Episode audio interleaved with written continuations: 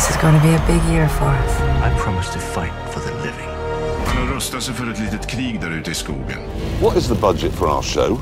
Smaller than it was. Yeah, not, not big enough.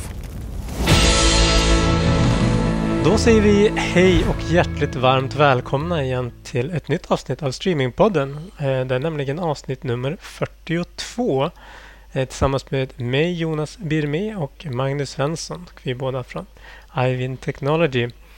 Eh, Innan vi drar igång idag, hur är det med dig Magnus? Det är bra eh, förutom att eh, testat positiv för covid men väldigt lindriga symptom eller hardly none skulle jag säga. Så att ja, men jag sitter hemma och karantänar den här veckan. Mm. Det är tur att vi har ett, ett inövat sätt att göra de här poddarna på nu så att det spelar egentligen ingen roll så länge man är frisk eller i alla fall kan, kan prata. Ja, jo, än så länge går det bra. Så att, Eh, ja, nej, men såklart. Det är ju skönt att det är lindriga symptom, eh, men tråkigt såklart om du behövt ställa in planer och sådär. Men så Ja. är det. Så är det nu för tiden. vi... Ja, eh, så är det. Idag ska vi prata om eh, lite grann om vad man kan göra eller vad man gör också i området för att göra eh, upplevelsen kring eh, både live, streaming och event eh, lite mer engagerande kanske. Ehm, det behövs tror jag idag med tanke på att vi vi behöver bli lite mer aktiverade för att, för att nå, nå ut i det bruset. Eh, vi ska prata lite grann om eh, några exempel om det. Vi kommer också prata om lite grann vad som görs inom det här området rent tekniskt. Eh, vad finns det för olika lösningar och alternativ för att uppnå den här formen av interaktivitet och eh, ja, mer engagerande formerna så att säga. Sen kommer vi naturligtvis också ha en liten uppdatering kring några nyheter i, i det här området som, eh, som vi går, kommer att gå igenom och så avslutar vi med eh, några tips på andra poddar. Låter som en bra agenda Magnus. alldeles utmärkt. Då tycker jag vi kör igång helt enkelt. Eh, eh, låt oss börja då med... Eh, det finns ett ganska intressant exempel Magnus på hur man har gjort eh, upplevelsen kring NFL eh, lite mer berikande. Ska du berätta om det? Absolut, och det är egentligen, det finns, jag kommer ta två, men det är det som, det som mest sticker ut och det som verkar nu signa för ytterligare en säsong är vad de kallar Manning Cast. Har fått ett smeknamn i USA. Det är i, som en alternativ sändning till NFL-matcherna på, eh, på tv så har de eh, tagit två stycken eh, för detta quarterbacks, de som känner till dem, där det är Peyton och Eli Manning som är bröder och eh, välkända quarterbacks båda två som sitter och alternativtjatar till matcherna istället för att lyssna på de ordinarie kommentatorerna. Så att det de gör egentligen, de har varsin liten ministudio i sina hem i New Jersey och i Denver och sen sitter de och bjuder in gäster eller bara sitter och pratar själva om matcherna och deras upplevelser och sådana saker. Och förra säsongen så körde de tio sådana Manning Casts parallellt med den ordinarie sändningen på ISBN eller ABC som har rättigheterna till det här. Och de hade i snitt 13 procent av tittarna var på deras alternativa feeds mot den ordinarie. Vilket gör att liksom, det är inte bara tre som sitter och gör det utan det är en relativt stor andel som sitter och tittar på den här alternativa sändningen. Jag tror faktiskt att de började bara med ljud men så har mm. även lagt till bild sen också så man kan se dem sitta i sofforna där. Och, och de kan ju berätta insides på ett helt annat sätt för de har stått i situationerna själva. De vet ungefär vilka liksom, luringar som ska göras och sådana här saker och, vunnit väldigt mycket popularitet runt det. Så nu ska de köra även nästa säsong har de bestämt. Mm.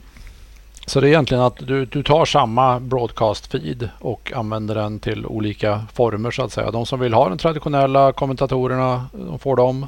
De som vill titta på bröderna Manning får dem. Och vi har ju även sett Viacom CBS eller Paramount som de heter nu. De har ju kört sina eh, Nickelodeon-avsnitt med eh, slush och sådana saker. Och lite overlays och lite grafik och lite förklarande saker för som den mindre insatta i amerikansk fotboll. Så att det här kommer mer och mer att man försöker skapa någon form av, det kanske inte är ju direkt interaktivitet men det är engagemang och, och att man möter publiken, den publiken är med, med samma sändning. Mm. Men hur gick, det, hur gick det till då rent med, med de här alternativa strömmarna? Där tittade du på på NFL-sändningen eller matchen på en enhet och sen på den här uh, Manningscast på en annan, eller hur? Är det här samma som var en mergad extra feed så att säga? Så att du, du mm. bara tunar på en annan feed så fick du en annat ljud och lite inklippt andra bilder. Men mm. Så att det var inte någon companion device eller någon picture in picture mm. så utan rent tekniskt funkar så att det var en helt annan feed bara. Mm. Men sen också någonting som kom här under eh, pandemin var ju såklart eh, räntorna. Men när du, kan, när du behöver köra konserter utan publik så vill man ju ändå kanske få publikens reaktioner och att få publiken att kunna vara med i, i sändningen fast man inte var på plats. Eh, och det, det, det finns ju, fanns lite olika, olika sätt på att göra det, men att plocka upp... Eh, ja, det kräver ju att du går in i något form av rum, eh, Zoom eller någon liknande teknik. Eh, du, som, du som tittare och sen så plockas det upp på, på skärmen på scenen kanske. Och, sen, mm. Eh, så, och, det, och det kräver ju såklart, den formen av, av interaktivitet kräver ju såklart att det finns eh, eh, hantera sånt kring fördröjning och sådana saker och mm. synk och, och hela de där bitarna. Eh, och det där är väl något som, men även nu fast en, eh, man kanske kan gå på konserter mer så, så kommer ju kanske alla inte kunna vara på just de konserterna. Man vill kanske kunna connecta med andra runt om hela världen samtidigt och, och sådär. Så att, eh, jag tror att det, det är egentligen bara det är rent tekniken tror jag som sitter lite grann begränsningen här varför man eh, inte experimenterar eller som, som, som, som eh, bromsar att man experimenterar mer i det hela.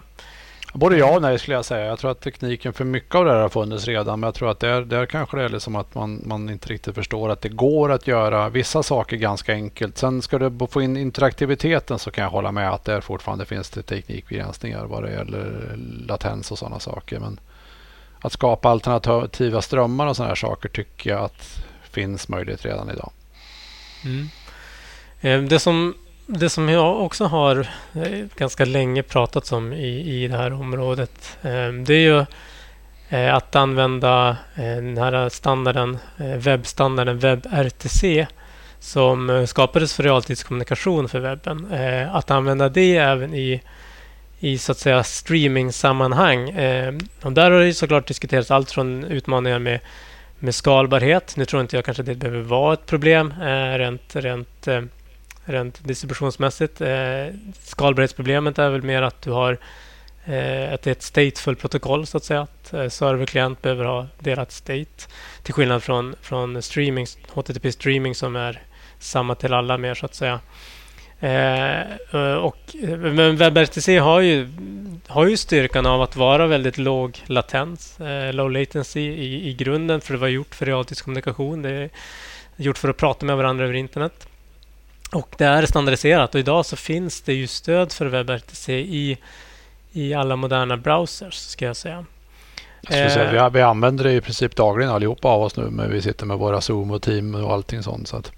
Mm. Och även Facetime tror jag i grund och botten bygger på någon form av WebRTC, ja. har jag förstått.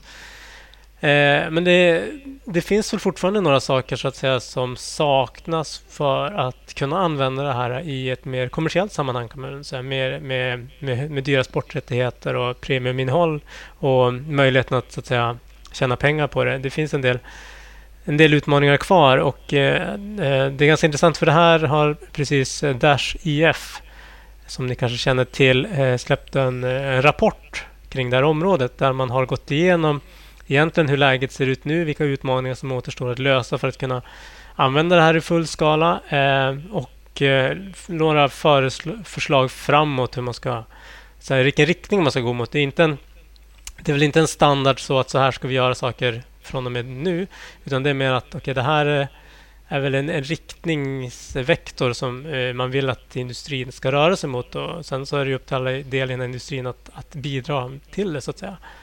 Så jag tänkte att vi ska hoppa in på det, den delen nu i vår podd och prata just om den saken. Eh, och eh, Man kan väl börja med att om man tittar utifrån på WebRTC-standarden eh, och, och, varför man inte kan använda... Eller vad är det som gör det utmaning att använda den idag så att säga för, för premiuminnehåll?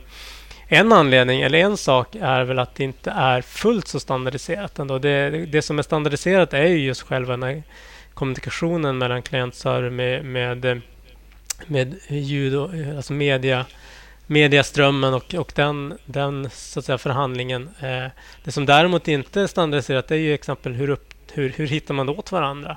Hur vet jag vilket rum eller vilk, vem jag ska connecta ihop med? Hur skapar man de här Eh, rummen så att säga? Eh, det har ju varje lösning eller behövt bygga egna protokoll för ska jag säga. Eh, Eh, Facetime, eh, som i någon form bygger på WebRTC också, har en egen. Och, eh, om, vi kan väl bara spekulera om det är det som används i det vi precis pratar om nu och så vidare. Men det, använd, det, det behövs oftast ett... Eh, det är ingen, ingen standardiserat kring hur man upptäcker varandra, hur man hittar de här rummen. Eh, och eh, det finns till exempel inte heller stöd eller möjlighet för undertextning.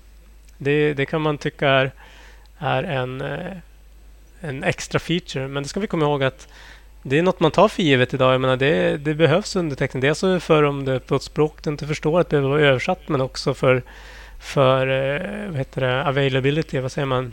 Tillgänglighetsaspekten. Eh, det finns, eh, saknas också möjlighet att kunna stoppa in timad metadata. Något som också används väldigt mycket inom broadcast-sammanhang just för att kunna växla mellan olika eh, feeds vid en viss tidpunkt och, och ha den typen.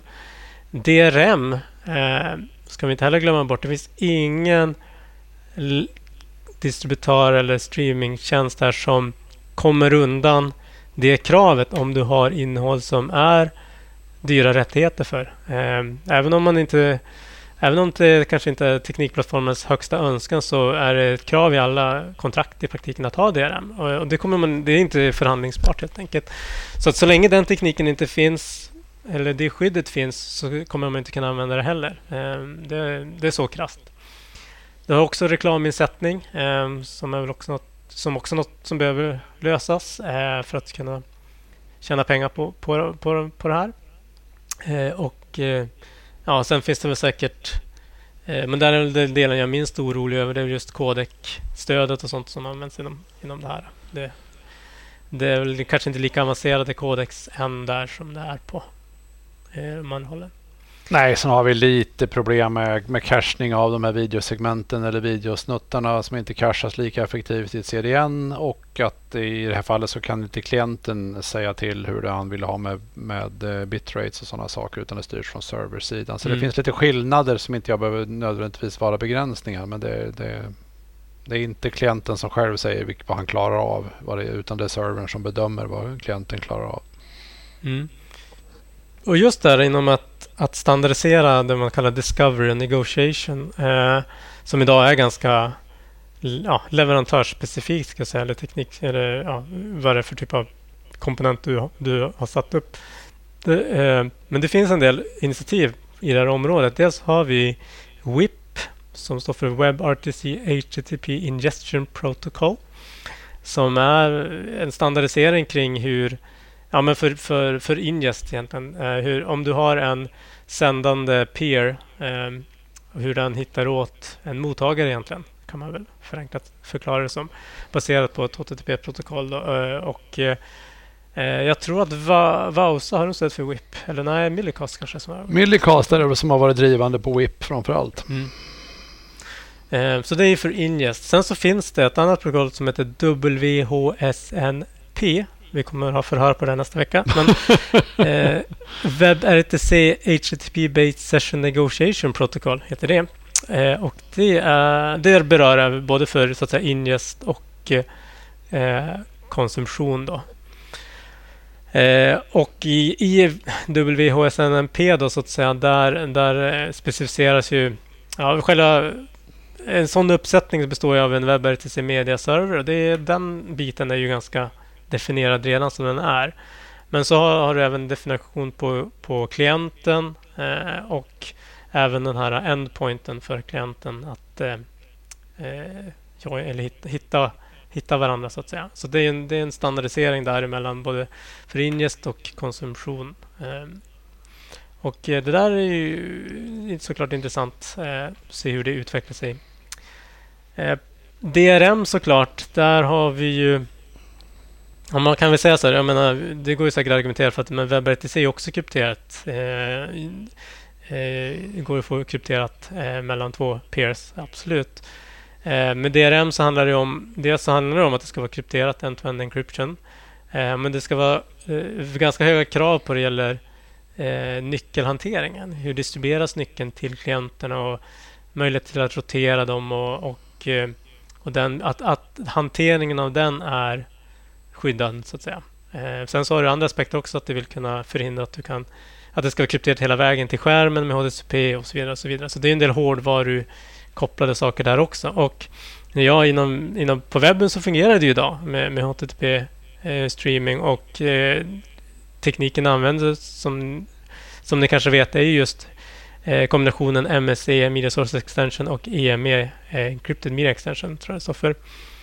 Så det finns en standardisering i, i webb, webbstandarden för, för det, eh, olika browsers. Eh, dock så kräver, ju, kräver det CMAF eh, eller ISO-BMFF-containrar. Eh, eh, och eh, det lirar väl inte så det är jättebra direkt tillsammans med WebRTC som det är idag. Så att, eh, eh, där skulle man ju behöva hitta något sätt att, an att använda WebCodex som då WebRTC bygger på tillsammans med EME. Det är väl en variant. Det är att man tar bort CMAF-paketeringen kring det.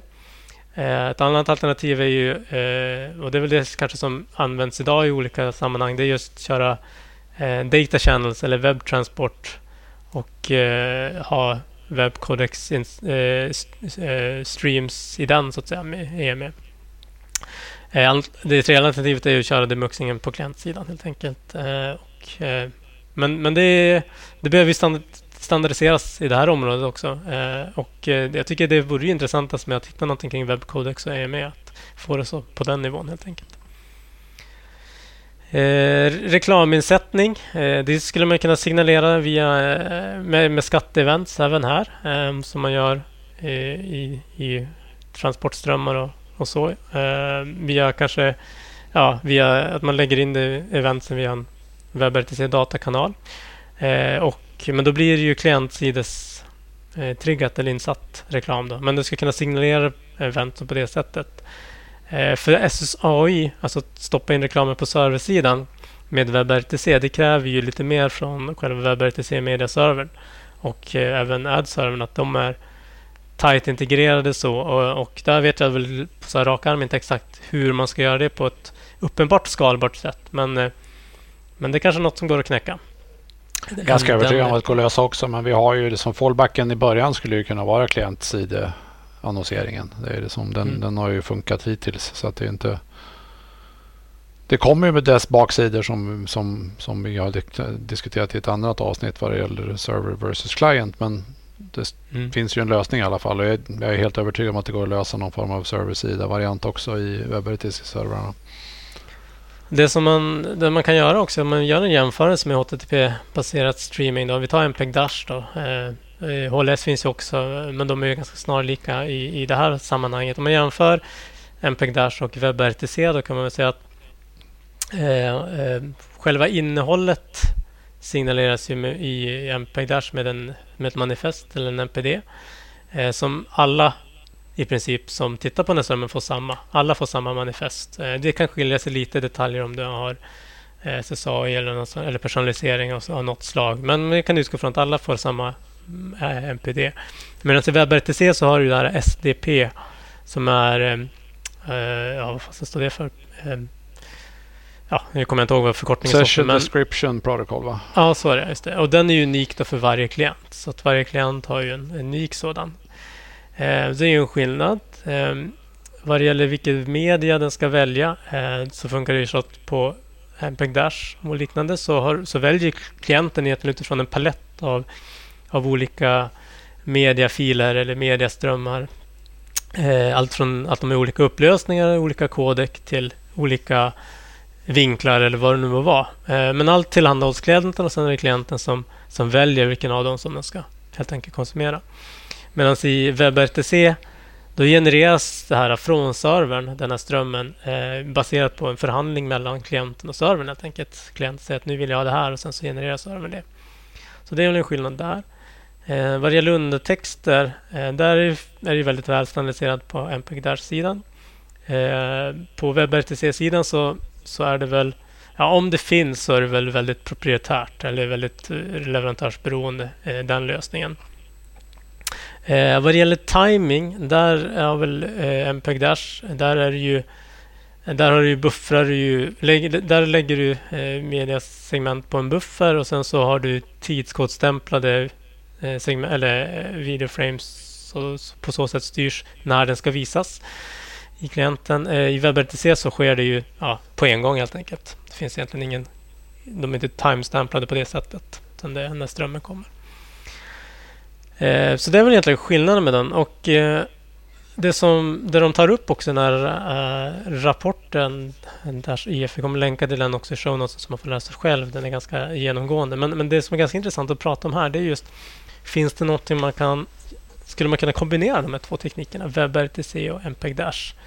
Eh, och där finns det några exempel eh, de tar upp på hur man kan, skulle kunna göra det. Eh, och, och första exemplet är egentligen att du använder en MPEG MPEG Dash manifest för att eh, definiera vilka WebRTC-strömmar som finns. Eh, det blir ett sätt att hitta den här, okay, hur, hur går jag med i de här? Jo, men eh, klienten får en MPEG Dash manifest som, som visar på det. ja, det här är de WebRTC-strömmarna som finns. Kanske med olika vinklarna, olika kvaliteterna eller vad det nu må vara. Eh, det andra är ju att, eh, lite det vi är inne på, att du har en mer komplex realtids eh, live-event där du har flera synkroniserade strömmar eh, som använder WebRTC-representationer för olika kameravinklar. Eh, men allt det, det, definieras i, i den här PEGDASH-manifestet. Eh, eh, ett annan variant är att du har både och, både WebRTC-ström eh, och en MPEG Dash eh, adaptation set i det här manifestet. Det vill säga att spelaren kanske föredrar WebRTC men av någon anledning att inte har stöd eller att eh, förutsättningarna ser ut på ett visst sätt då kan så att säga falla tillbaka på en vanlig MPEG Dash Adaptation Set, alltså en vanlig HTTP ABR-ström. Eh, och det kan ju vara olika anledningar att klienten inte har stöd för det eller en brandvägg i vägen eller att nätverksuppkopplingen inte Eh, tillräcklig för att ha en sån så att säga, low latency-ström. Så i praktiken så har du en low latency och en vanlig latency-ström då fast det signaleras i samma manifest. Då. Det skulle kunna vara ett manifest för linjärkanaler som innehåller delar som är så att säga low latency delar, det vill säga där du har interaktiv, interaktivitet eller interaktiva program. Eh, jag ser framför mig att du har en period där du har vanligt och sen så har du en annan period där det helt plötsligt finns en WebRTC-ström eh, som ett adaptation sätt att välja ibland för spelaren. Så kan du välja då beroende på om du vill ha den low latency-varianten eller den vanliga. Men att du har det i en programmerad kanal helt enkelt. Eh, det skulle kunna vara att du tittar på eh, strömmar som är synkroniserade med en audio, video, textchatt till exempel. Eh, då skulle den här eh, manifestet innehålla information om hur du connectar till de här olika interaktiva eh, ändpunkterna. Eh, och eh, synkroniseringen mellan de här skulle kunna ske via den här datakanalen till exempel. Lite liknande som, som möjligtvis eh, Apple SharePlay och det, det löser eh, synkronisering. Eh, ja, ett annat exempel är att du har en, en, en realtids liveström där du har WebRTC men eh, reklamen i de perioderna som det är reklam de levereras med, med Dash. Vilket gör ju att då kan du ha Eh, den, den delen personaliserad eh, eh, i den mån som SSAI har det. Så att säga. Eller baserat snarare på hur ja, kampanjen och så vidare. Så du får mer dynamisk ad insertion. Så det finns ju lite olika varianter här. Eh, och I det här dokumentet så, så går de även igenom lite olika referensarkitekturer både för servern men även också på klientsidan. Hur man ska kunna implementera, implementera det här. Så det här är ju, det är som sagt var, eh, det är väldigt intressant eh, början eh, och det är ett kul initiativ och det ska bli spännande att se vad man vad vi kan se för implementationer av det här framöver. Men det visar ju på att det finns ett behov av att ta den här tekniken som finns, tweaka till den så att den går att använda även i, i de här riktigt kommersiella sammanhangen. Ja, och eh, IF öppnar även upp för dels kommentarer via GitHub men även att de har en undersökning som man kan vara inne och svara på hur man ser framtiden och vilka delar i rapporten man, man tycker är mest relevanta. Så att de öppnar ju upp för feedback och, och synpunkter också. Så att om vi delar det här så kan ju folk gå in och läsa själva och titta på om det är någonting. Jag tycker det är intressant och det var framförallt en väldigt gedigen både rapport och uh, summeringar av use case och sådana saker. Så att, jag tycker det är intressant. Jag tycker det är intressant för det helt plötsligt så ser man när man kan börja använda liksom de traditionella streamingformaten tillsammans med de kanske eh, mer webbaserade realtidsprotokollen. Mm. Precis. Ja, men eh, vi går vidare tänker jag då eh, med lite nyheter från den här branschen. Vi kan väl börja med att eh, eh, det här med sporträttigheter, det, det vill ju många ha. Eh, och inte bara ja, Dazon, ESPN och de här. utan nu har även HBO Max gett sig in i den här leken. Vad har de köpt? De har, eller egentligen är det Turner Sports som ägs, ägs av samma eh, Warner Media så, som eh, HBO Max också som har köpt eh, amerikanska fotbollslandslagets matcher framöver. Mm. Inte VM-turneringar dock, men resten av alla deras matcher kommer sändas via HBO Max från och med nästa år. Mm.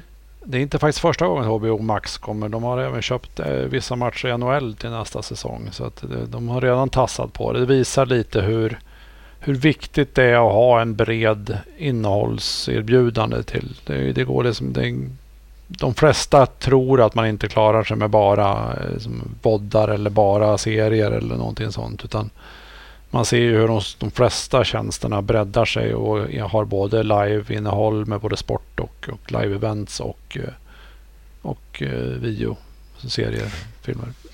Men det här jag inte riktigt förstår. Eh, för jag menar, vi har ju Discovery som mm. ju mycket profilerar sig med sport ändå. Med Eurosport, eh, mm. varumärket och allt möjligt. Eh, och rätta mig om jag har fel nu, men, men Warner Media, Discovery. ja, det kommer bli Warner Bros Discovery troligen någonstans i april-maj någonstans. Och då skulle jag tro att vart, vart de här amerikanska fotbollsmatcherna kommer hamna till slut säkert kan förändras. Mm.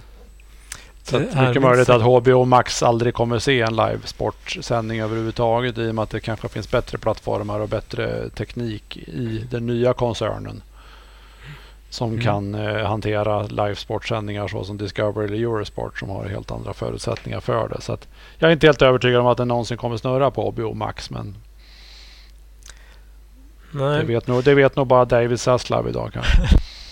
Så är det nog. Men det, ja, ni förstår. Eh, det, är lite, det är lite rörigt men, eh, och rörigare kommer det bli. Men vi håller ögonen på vad som händer. Mm. Eh, vi har lite mer intressanta... Eller ja, vi har eh, några uppköp och förvärv jag tänkte vi skulle berätta om. Eh, du kanske vill dra dem, Magnus?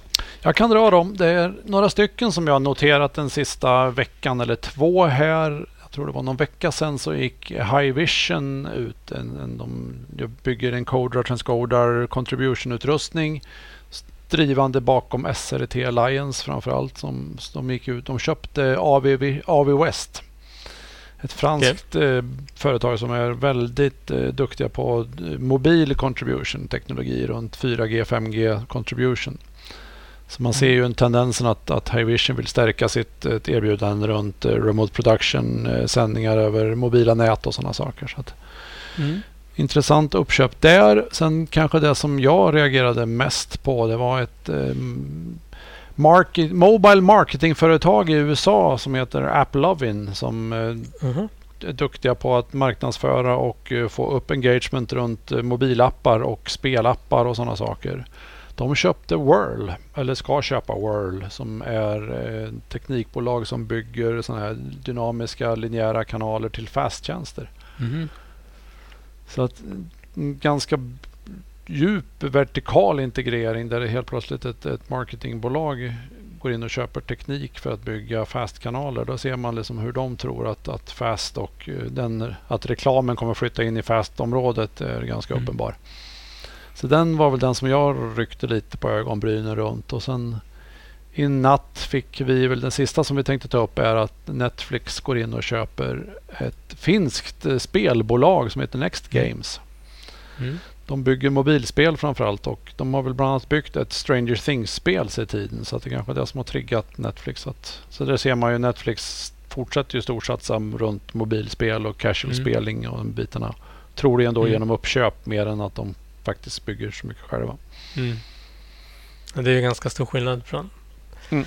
det de gör idag gissar jag. Eh, ja. Men, det, ja, men så det är väl de, de satsar i alla fall och det är väl inte det säkert enda de kommer att investera i runt omkring sin sin tjänst kan man väl tänka Nej, sig. jag skulle, skulle tro att det hovrar säkert fler spelbolag runt om nu också som vill vara med och få en del av Netflix-kakan. Mm. Intressant. Eh, ja, nej, men det händer ju saker. Eh, eh, mycket intressant med World som får, kommer kanske då få en ny ägare. Mm. Eh, och eh, ja, det är, inte, det, det är en, av, en av aktörerna inom fastområdet. Teknik, teknikleverantörerna i fastområdet ska man säga. Som kanske mer blir mer integrerat med även eh, köparsidan. Då. Mm. Eh, Viaplay eh, har ju tajmat det här väl då med att eh, inför eh, den nya Formel 1-säsongen då kan man säga gå live i Holland. Eh, för ni som inte känner till det så eh, förra världsmästaren i Formel 1 och eh, väldigt populära Formel 1-föraren eh, Max Verstappen som då har rötterna från, eller som representerar Nederländerna. Eh, ja, det är stort där helt enkelt. Så, eh, ja, väldigt stort och de har ju även ex exklusivt content med honom. De kommer att göra en dokumentärserie runt honom och sådana saker som jag tror att vi även kan ta del av här i Sverige. Men det, det är bra tajmat. Så nu sen igår är de live i Holland med eh, sina abonnemang och sina tjänster. Så att mm. får vi se hur, hur, om vi får se siffror på det framöver här. Jag skulle tro att de är ganska populära tack vare Formel 1. Ja, och de har ju också Formel 1-rättigheterna i det landet ska vi väl tillägga, mm. via Play. Eh, ja, tillsammans med Formel 1 TV då, som har den globala. Eh, det är så de kör väl på de flesta regioner, eh, Formel 1. Mm. Bra, då det närmar sig sitt slut den här podden så vi avslutar väl med några poddtips då som vanligt. Vad har du den här veckan mm. Magnus? Den här veckan har jag faktiskt skramlat fram ett par poddtips som jag tänkte vi skulle tipsa om och den första är för de som vill veta lite mer och lite mer bakgrunden till det här buzzwordet runt eh, metaverse och webb 3 och sådana saker så är det en ganska sansad diskussion runt vad faktiskt framförallt webb 3. Jag, bruk, jag tror att de pratar mer om liksom nästa generations webb än att de pratar om metaverse här. Det är Recode mm. Media som gör en intervju med, med eh, Jared Dicker som är en, en insatt person i det här. Väldigt lärorik tyckte jag den timmen var. Mm. Och den andra är våran gode vän och som de flesta känner till Jan Åser som är gäst i The Video Insiders för några veckor sedan. Som pratar mm. lite uppdateringar runt Codec. Det finns ju alltid några av våra lyssnare som är intresserade av Jan Åser och hans Codec-diskussioner. Så att tänkte jag skulle mm. tipsa om den, den podden. Mm. Ja men härligt. Eh, då har ni någonting att lyssna på utöver det här avsnittet. Eh, för det har ni redan lyssnat på om ni har kommit så här långt. Eh, och eh, nej, men vi, vi tackar väl för oss för den här gången och sen eh, eh bokar vi in ett, ett nytt tillfälle för nästa podd Magnus helt enkelt. Mm. Så hörs vi igen.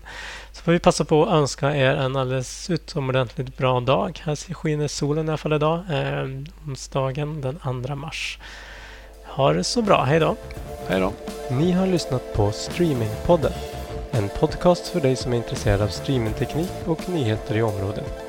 Programmet produceras av Ivin Technology, leverantörsoberoende specialister inom videoteknik och mediedistribution.